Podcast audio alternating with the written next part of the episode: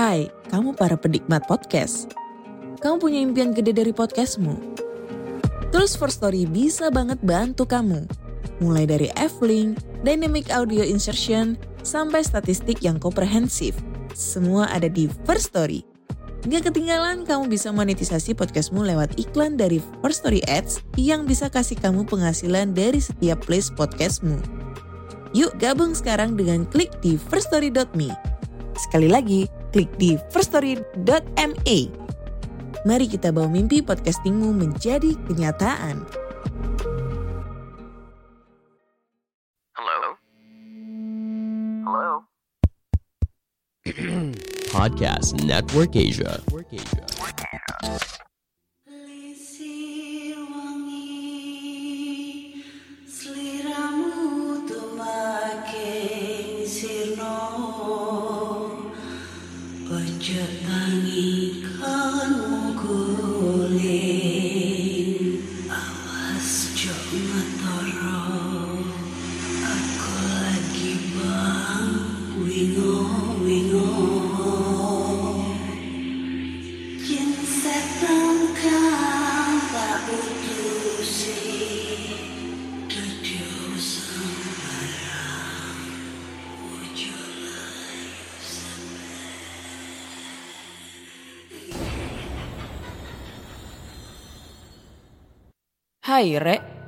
iya apa kabar Ketemu lagi dengan aku si Ana di podcast kisah horor.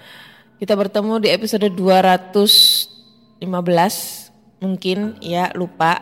Dan di episode kali ini aku akan membacakan cerita horor ataupun email berhantu yang sudah dikirimkan teman-teman melalui podcast kisah horor at gmail.com atau di Instagram podcast kisah horor serta Google Form yang lainnya tersedia di bio Instagram podcast kisah horor. Mau curcol ah, udah lama gak pernah curcol nih. Jadi mungkin izinkan saya untuk curcol dulu sekitar 2 sampai 3 menit ya. Karena banyak banget yang udah kangen dengan sesi curcol ini sebelum kita bercerita horor. Jadi beberapa minggu ini eh, aku lagi dideketin sama dua orang sekaligus ya. Yang pertama ini temennya temen aku eh seusia sama aku usianya terus eh gimana ya? Baik orangnya baik banget. Cuma eh ya maaf aja sih kayak hmm, kayak masih kayak anak kecil gitu sifatnya. Dan kayak aku kurang serak gitu. Nah yang kedua ini kebetulan eh, aku udah kenal lama sih, cuma baru deketnya kan baru-baru ini. Dia itu eh, salah satu perawat di salah satu rumah sakit umum di Surabaya. Eh, tepatnya dia jaga di Poli gitu ya, di Poli Syaraf. Eh, kan setiap bulan kan aku selalu ngambilin obat buat bapakku tuh kontrol nganterin kontrol. Nah akhirnya mau nggak mau kan aku harus komunikasi sama ini orang gitu kan. Nggak taunya dia si, eh, kalau dibilang single nggak sih ya. Dia duda gitu duda eh, punya dua anak tapi eh, usianya itu di atasku satu tahun kayak gitu. Cuma apa ya ya adalah kekurangannya dia. Bukan masalah fisik ya karena ya gue nggak bisa ngasih tahu sih eh, apa namanya kendalanya dia apa sampai dia bercerai dengan istrinya dulu gitu terus dia suka sama gua gitu kan. Gimana ya? Sama-sama lagi kesusahan gitu kan.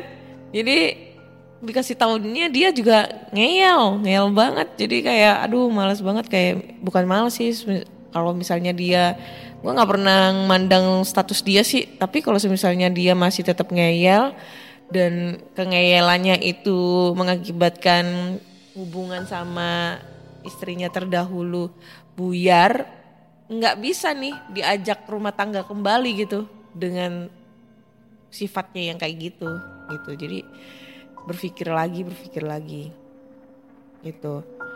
Di satu sisi lain gue juga masih belum bisa move on sama si Rio anjing itu kan. Aduh gimana ya susah banget move onnya gitu. Bukannya gue tuh pengennya berpatok pada sama satu orang enggak. Karena gue masih belum bisa menemukan orang yang jauh yang bukan bukan gue bukan nyari yang seperfect kayak Rio enggak. Gue nyari yang bisa ngelupain gue sama Rio gitu loh. Gue udah berusaha cuma yang satu sifatnya kayak anak kecil bikin orang jengkel terus. Yang satu ya gitulah. Tiap mau keluar masih masih minta dibayarin gitu.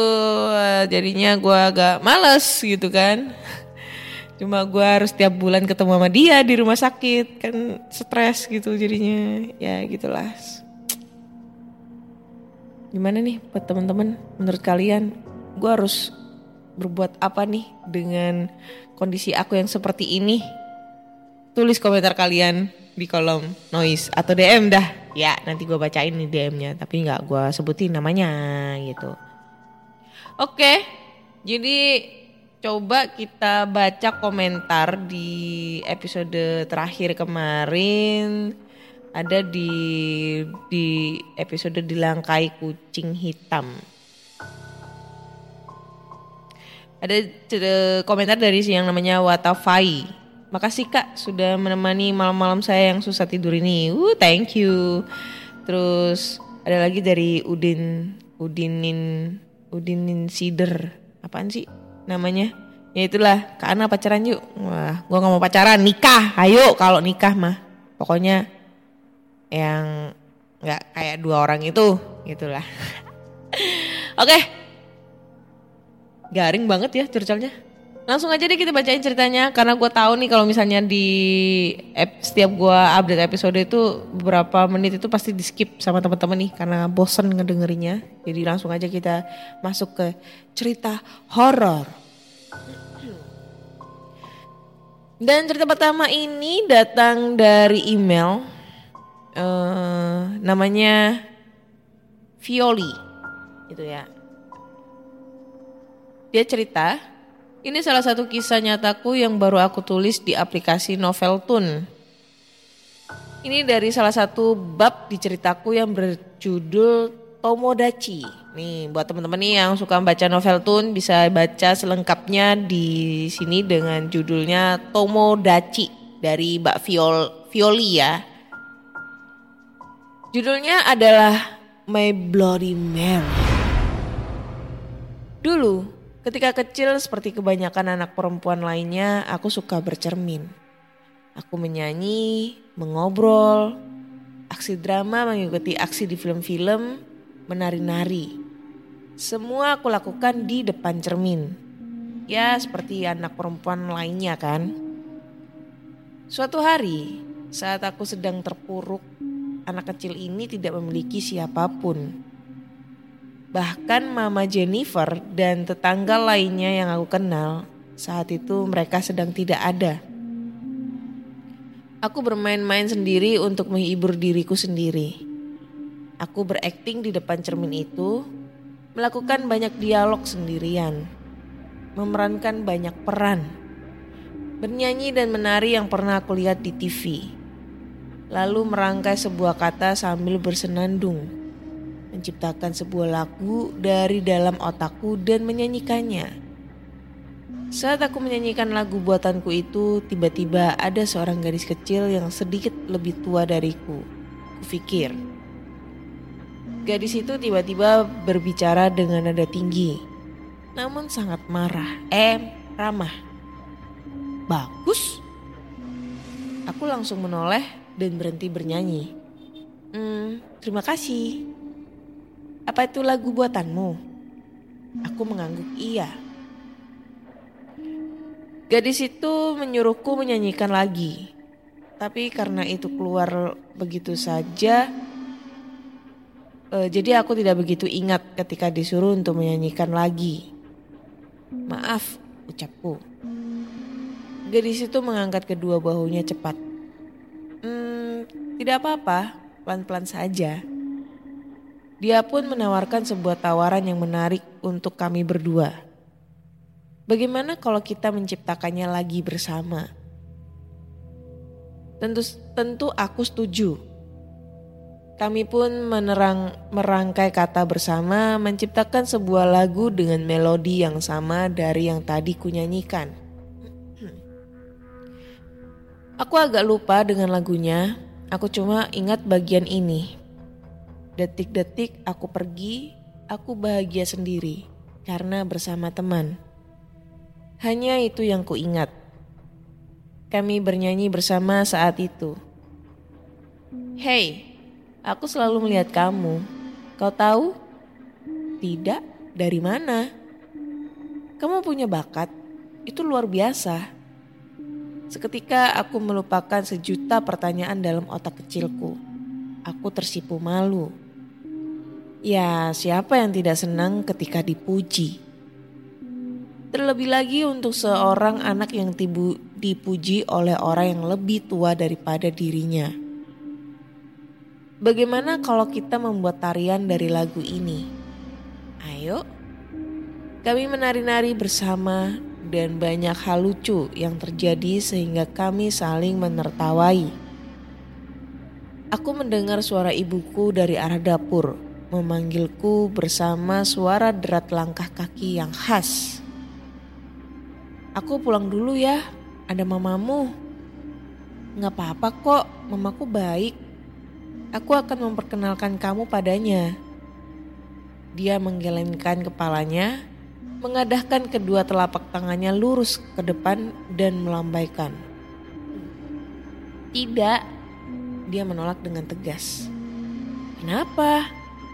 Tanyaku, lalu dia berbisik. Aku malu. Dia terkekeh kecil dan pergi. Jangan bicarakan aku di depan mamamu, bisiknya sebelum pergi. Ibuku datang menemuiku yang sedang menghadap ke cermin dan bersenandung. Sedang apa kamu? Nyanyi? Jawabku. Keesokan harinya lagi, di saat aku sedang sendirian, tanpa siapa pun di sekitarku dia datang lagi. Dia memang selalu datang ketika tidak ada siapa pun seperti malaikat yang sengaja turun untuk menghapus rasa sepiku. Kami selalu bernyanyi, menari, dan juga banyak menciptakan sebuah lagu. Tapi aku tidak ingat semuanya. Maklum, aku memang sangat pelupa sejak kecil. Tetapi anehnya, hal yang tidak ingin ku ingat selalu teringat hingga kini. Kembali lagi ke ceritaku. Kami sering bertemu dan bermain tanpa mengenalkan diri satu sama lain. Dia hanya memanggil dengan kata "Hey" dan terkadang juga memanggilku adik kecil. Dengan bodohnya dan polosnya bocah cilik, aku juga tidak menanyakan namanya dan hanya memanggilnya kakak. Ditambah bodohnya lagi, kenapa ketika itu aku tidak merasa aneh ya? Merasa aneh bahwa dia hanya ada di dalam cermin. Ah, dasar anak kecil, pikirku begitu. Tapi kalau dipikir-pikir lagi, aku memang begitu. Semakin sering kami bermain, kami juga mulai melakukan sebuah pertunjukan. Berakting berkata ini adalah pembuatan sebuah film yang fantastik. Ketika itu aku tidak menyadari ekspresi ibuku dan tidak mengetahuinya. Dia juga hanya melihat beberapa detik dan pergi menyibukkan diri lagi. Walau aku selalu ikut ke mana pun dia bekerja, tapi karena teralihkan oleh pekerjaannya jadi sedikit kurang mengawasiku. Dan ketika itulah aku senang ketika ada yang datang padaku menjadi teman bermainku. Ketika dia lengah untuk mengawasiku, aku berlari mendatangi panggilan gadis itu untuk bermain bersama. Hingga suatu hari ketika aku terper, terpergok oleh orang rumah, aku lupa itu siapa. Tapi karena aku hampir setiap waktu hanya berdua dengan ibuku, jadi pasti dia. Gadis itu tiba-tiba menghilang dengan cepat tanpa aku sadari. Ibuku bertanya kalau aku mengobrol dengan siapa. Tidak seperti saat aku bersama Mama Jennifer yang menjawab dengan tante cantik. Karena aku disuruh gadis itu, aku menjawab tidak sama siapa-siapa.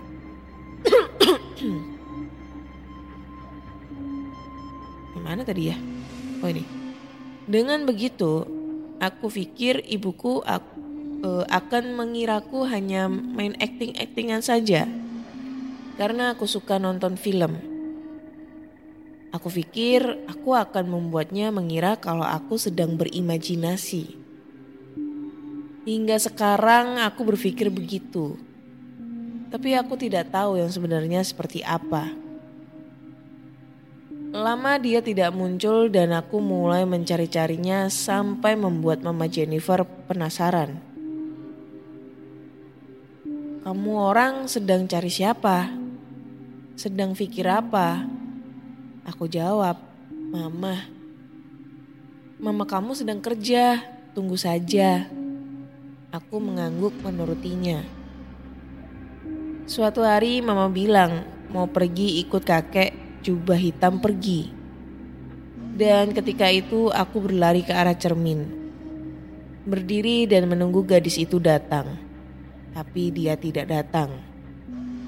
Lalu sebuah angin sepoi-sepoi menggelitiki telingaku. Muncul sebuah bisikan Bloody Mary, Bloody Mary, Bloody Mary. Hmm. Ya oke. Aku yang tidak tahu artinya itu mengikuti bisikan itu. Mengucapkan kata itu sebanyak tiga kali. Lalu muncullah sosok gadis remaja di depan cermin. Putih, cantik, bermata biru terang, memakai mini dress polka dengan lengan balon. Aku heran itu siapa? Kamu siapa? Di mana dia? Gadis itu menyela omonganku. Kamu hebat bisa memanggilku datang. Aku terdiam karena masih bingung saat itu dan harus menatapnya saja. Kita bisa menyanyikan lagu kita lagi. Kamu adalah aku menunjukkan jari telunjukku. Ya, namamu Mary.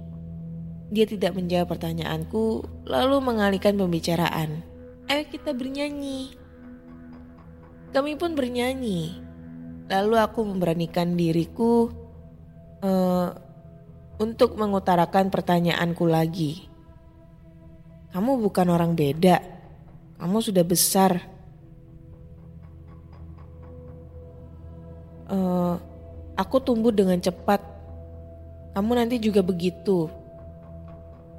Aku ternganga membayangkan bahkan aku telah tumbuh menjadi gadis cantik sepertinya. Tapi aku ingin selembut Mama Jennifer. Waktu bermain, aduh panjang. Waktu bermain habis. Dia bilang dia harus pergi karena sibuk. Besok nanti apakah kamu ingin eh besok nanti apakah kamu ingin ikut bersamaku? Aku mengangguk. Janji? Janji. Saat-saat itu pun tiba. Tetapi aku mendengar film horor tentang Bloody Mary dari sebuah iklan di TV. Aku tercengang karena aku sudah mengetahui nama itu sebelumnya. Aku mulai takut, tapi ini waktu yang telah dijanjikan. Dengan terpaksa aku menemuinya, memanggil namanya tiga kali. Hei, kamu datang. Dia sangat sumringah dengan pertemuan kami ini. Tapi tiba-tiba aku bertanya, apa kamu hantu? Wajah senangnya telah menghilang berubah menjadi muram. Tanpa menjawab, Mary memegang tangan kananku dan mengajakku pergi dengannya, namun aku menolak. Aku melepaskan genggamannya dengan keras, membuatnya marah dan menarik paksa kedua tanganku. Wujudnya pun berubah 99% kecuali gaunnya. Rambut yang menutupi wajah yang rusak dipenuhi darah yang telah membusuk menjadi hitam. Sekujur tubuh yang sudah menghitam dengan kuku-kukunya yang panjang dan mata yang melotot ke arahku. Membuat aku meronta ketakutan dan menangis keras. Uh, kucingnya siapa ya, Rek? Anehnya, ibuku yang ada di rumah tidak mendatangiku. Dan tiba-tiba, seorang wanita berambut coklat kehitaman panjang dengan gaun putih untuk tidur dan cat kuku yang berwarna merah menarikku ke dalam pelukannya. Lalu wanita itu melempar Mary hingga terpental ke belakang di dalam cermin dan membuatnya menghilang. Saat sadar, aku sudah berada di dalam kamar ibuku tertidur. Sejak saat itu aku takut dengan cermin hingga saat sekolah aku mendapatkan doa bercermin. Aku menghafalkan dan membacanya saat mencoba untuk bercermin lagi. Tapi dia masih tetap ada di sana. Hah. Oke, ceritanya selesai. Bloody Mary. Kisah nyata ya. Tulis di buku. Mungkin buat para pendengar yang udah hafal ya kalau cara membacaku seperti ini pasti ngerti ya, ngerti gitu. Eh, komentar gue bakalan kayak gimana ya. Tapi gue menghargai dan apa ya, eh, kayak mem- memberikan suatu apresiasi karena dia sudah kirim via email, jadi gue harus bacain gitu untuk kalian semua. Gue mau komentar dari mana ya ini ya? Dibilang ini nyata, kayaknya enggak deh. Ya. Dan jujur gue enggak, gue itu eh, podcast kisah horor itu tipikal eh, ngebacain cerita real. Maksudnya cerita real itu dari kata-katanya juga seakan-akan kita terbawa di suasana gitu, bukan cerita karangan novel gitu kan. Kalau ini ini sorry to say ya Mbak Violi nih, bukannya aku menghujat nih, bukan. Tapi ya kalau aku pikir ini fiktif gitu loh. Bloody Mary yang kita tahu Bloody Mary itu adalah eh, mitos ya, mitos di orang barat sana yang menceritakan bahwa si Bloody Mary ini adalah penyihir atau apa gitu. Terus eh, di orang sana itu memberikan suatu mitos kalau misalnya kita bercermin di dalam kamar mandi terus dalam keadaan gelap cuma pakai lilin terus kita manggil Bloody Mary, Bloody Mary, Bloody Mary.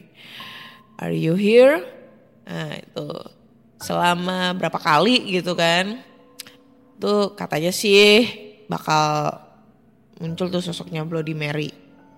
Tapi itu kan cerita dari di barat sana ya orang-orang orang-orang bule sana. Kalau di Indonesia Bloody Mary versi bule ini apakah kuntilanak versi bule atau kayak gimana kita juga nggak tahu ya. Apakah kuntilanak dipanggilnya kuntilanak, kuntilanak, opo kowe nang kene, ngono kan?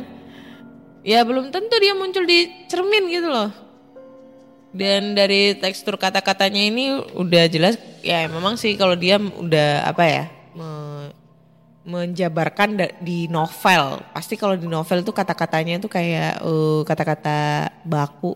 Eh kata-kata apa ya? Bisa dibilang ya kata-kata kayak gitulah. Ciri khasnya penulis gitu ya. Yang ngebuat gue tuh ngeraguin untuk ceritanya. Jadi gue tuh lebih seneng kalau kalian bercerita, kirim email ya ceritanya ketikanya itu real apa adanya. Jadi kayak misalnya nih, eh aku ketemu kuntilanak nih kak, kuntilanak orange. Lagi nyanyi-nyanyi di atas pohon. Nyanyi sebagai kekasih yang tadi anggap aku hanya bisa kayak gitu-gitu kak. Ih ngeri. Masa ya kuntilanaknya tahu lagunya kertas band waktu itu atau armada atau pingkan mambo bilang gitu kan. Nah itu itu cerita real kalau gini kan bukan tipikal aku gitu ya maaf ya Mbak Violi tapi gue apresiasi dari ceritanya Kak Violi nih ya buat teman-teman nih yang suka baca-baca novel baca-baca eh, cerita-cerita gitu ya bisa nih mampir di Novel Tun karyanya Kak Violi eh, judulnya Tomodachi. Tomodachi, tapi ini judulnya Bloody Mary. Aneh. Ya itulah pokoknya. Karena cerita pertama ini tidak membuatku greget dan tidak membuatku seram. Jadi kita tambah satu cerita lagi ya. Mengingat sudah menit 22-an. Jadi cerita berikutnya ini datang dari Google Form nih gantian. Judulnya adalah Jenazah Minta Pulang. Ini dari judulnya aja udah serem nih. Oke. Hai kak, perkenalkan nama aku Martin. Jadi aku mau berbagi cerita seram yang dialami oleh pamanku 17 tahun yang lalu. Ketika dia menjadi asisten supir ambulans dan sampai sekarang masih trauma. Kejadiannya seperti ini. Pada saat tengah malam, dia dan supir disuruh untuk mengantar jenazahnya hari ini dan harus tiba pagi agar bisa sampai di kampung halamannya. Beliau sempat menolak karena tidak baik mengantar jenazah tengah malam. Hanya saja, kepala rumah sakit meminta hari ini agar bisa dikubur pagi. Dan alasan lain harus cepat diantar karena lokasinya yang sangat jauh. Bagaimanapun juga demi alas eh demi pekerjaan dia tetap melaksanakannya. Dia sempat bertanya lokasinya di mana dan si supir bilang eh, dia tahu karena dia dulu mantan supir bus antar luar kota. Ketika jenazah sudah di dalam, mereka pun berangkat. Saat di jalan terlihat si supir mulai ngantuk. Dan begitu juga pamanku. Karena rasa ngantuk yang gak bisa ditahan, akhirnya mereka singgah di sebuah kedai yang hampir tutup. Kemudian si supir keluar ingin membeli rokok dan kopi biar gak ngantuk. Dan kejadian aneh itu dimulai.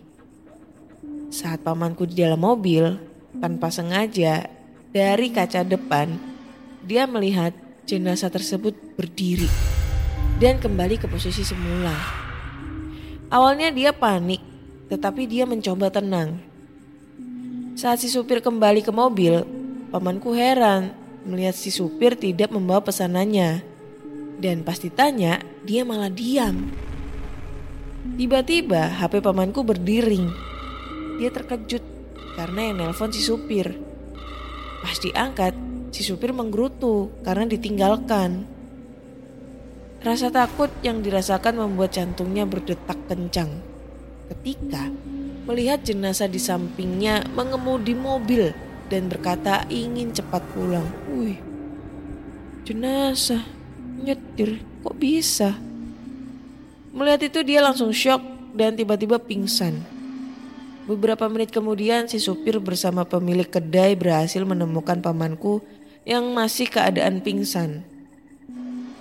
Setelah disadarkan dia bercerita kejadian dialaminya. Awalnya nggak percaya, tetapi melihat ada bercak darah di setir mobil baru mereka percaya. Setelah jenazah itu diantar, dua hari kemudian pamanku keluar dan tidak mau ngantar jenazah lagi. Hmm. Ngeri ya. Jenazah. Nyetir coy. Gimana ceritanya ini?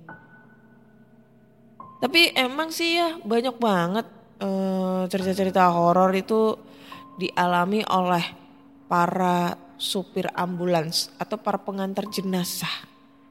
Ya, eh, ini ada gue baru inget nih.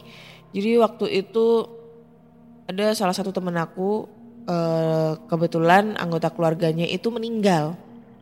Tapi eh, posisinya itu nggak di rumah, nggak maksudnya nggak di daerah rumahnya dia, melainkan di luar kota, ya di daerah Mojokerto lah. Mojokerto Surabaya itu kan juga lumayan jauh sih. Ya kalau misalnya ngetol kan ada sejaman, cuma waktu itu tol belum ada. Tol semua masih belum ada tahun 2000-an gitulah. Masih tahun-tahun ya tahun-tahun sepinya lah.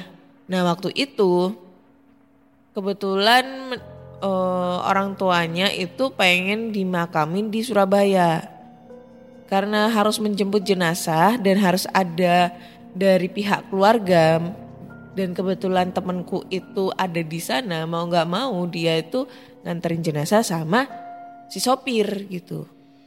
Pas nyampe pertengahan karena emang waktu tahun 2000-an itu masih 2000 berapa ya 2006 2008an lah. Eh, itu keadaan masih sepi ya. Dulu itu daerah Mojokerto gitu masih sepi banget masih kayak masih pedesaan dan emang lokasinya dia itu agak melosok ya daerah Trawulan masih sana gitu. Jadi jalan itu gelap. Nah itu emang ngantrinya malam. Jam 10 jam 11 lah nyampe Surabaya itu sekitar jam hampir subuh. Sebenarnya sih bisa ditempuh sampai jam 12 malam, tapi karena ada gangguan itu sampai subuh mereka itu nyampe sana. Jadi gangguannya itu cuma ya sekedar cuma kayak kerandanya kerandanya itu goyang-goyang. Ledak ledak ledak ledak ledak ledak gitu. Padahal mereka itu nggak melewati jalanan bergeronjal. Jadi kayak goyang-goyang gitu. Ledak ledak ledak ledak kan kerandanya itu kan dari besi gitu kan. Udah. Tapi masih mereka tuh masih berpikir positif gitu. Masih berpikir positif ya mungkin apa gitu. Gitu kan. Nah klimaksnya itu pada saat eh apa namanya si sopir itu ngelihat di kaca di kaca depan ya yang ngadep ke belakang. Kaca mobil depan itu yang ngadep ke belakang itu pas dia nggak sengaja ngeliat ke belakang dia ngelihat posisi jenazahnya itu udah dalam keadaan duduk. Terus si sopir itu kayak banting setir ngerem dadak tapi nggak apa-apa. Banting setir ngerem dadak. Nah pas dilihat itu kondisi mayatnya masih dalam kondisi semula gitu kan. Tapi posisinya itu eh, masih dalam kondisi tidur tapi posisinya itu eh tutupnya keranda itu agak kebuka miring dikit.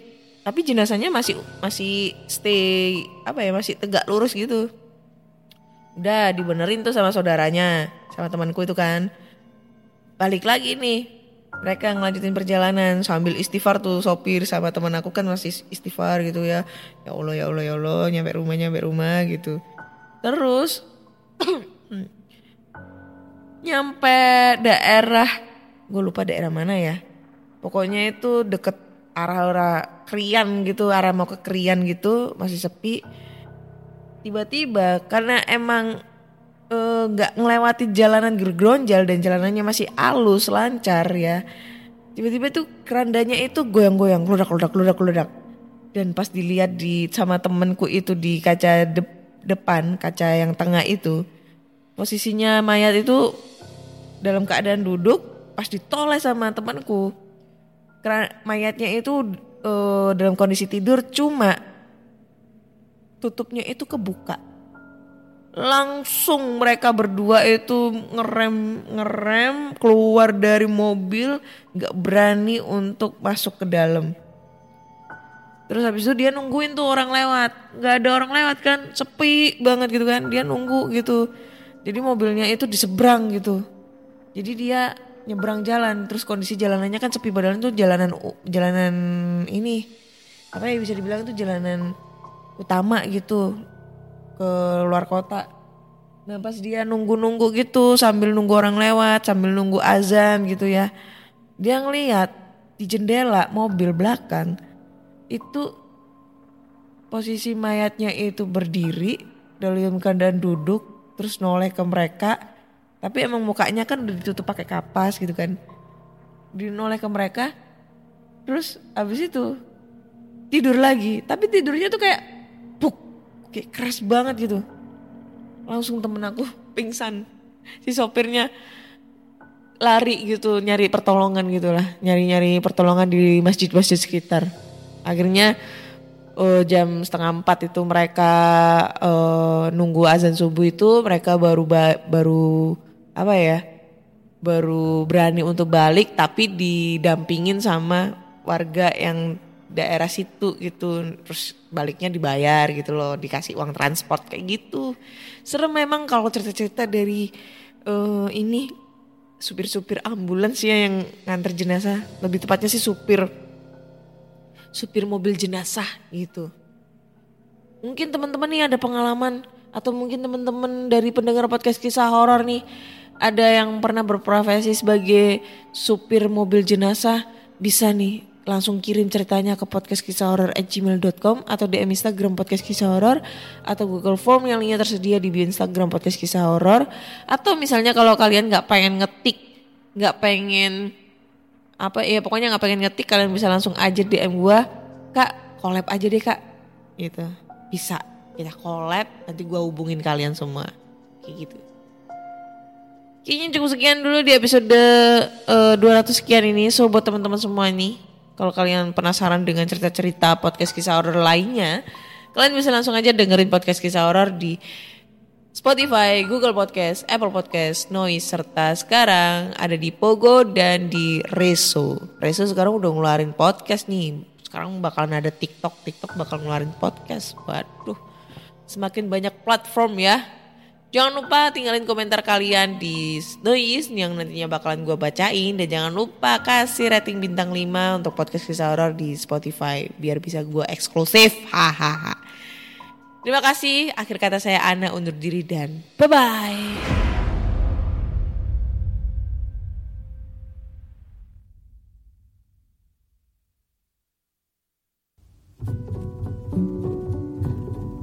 Pandangan dan opini yang disampaikan oleh kreator podcast, host, dan tamu tidak mencerminkan kebijakan resmi dan bagian dari podcast Network Asia. Setiap konten yang disampaikan mereka di dalam podcast adalah opini mereka sendiri dan tidak bermaksud untuk merugikan agama, grup etnik, perkumpulan, organisasi, perusahaan, perorangan, atau siapa pun dan apa pun.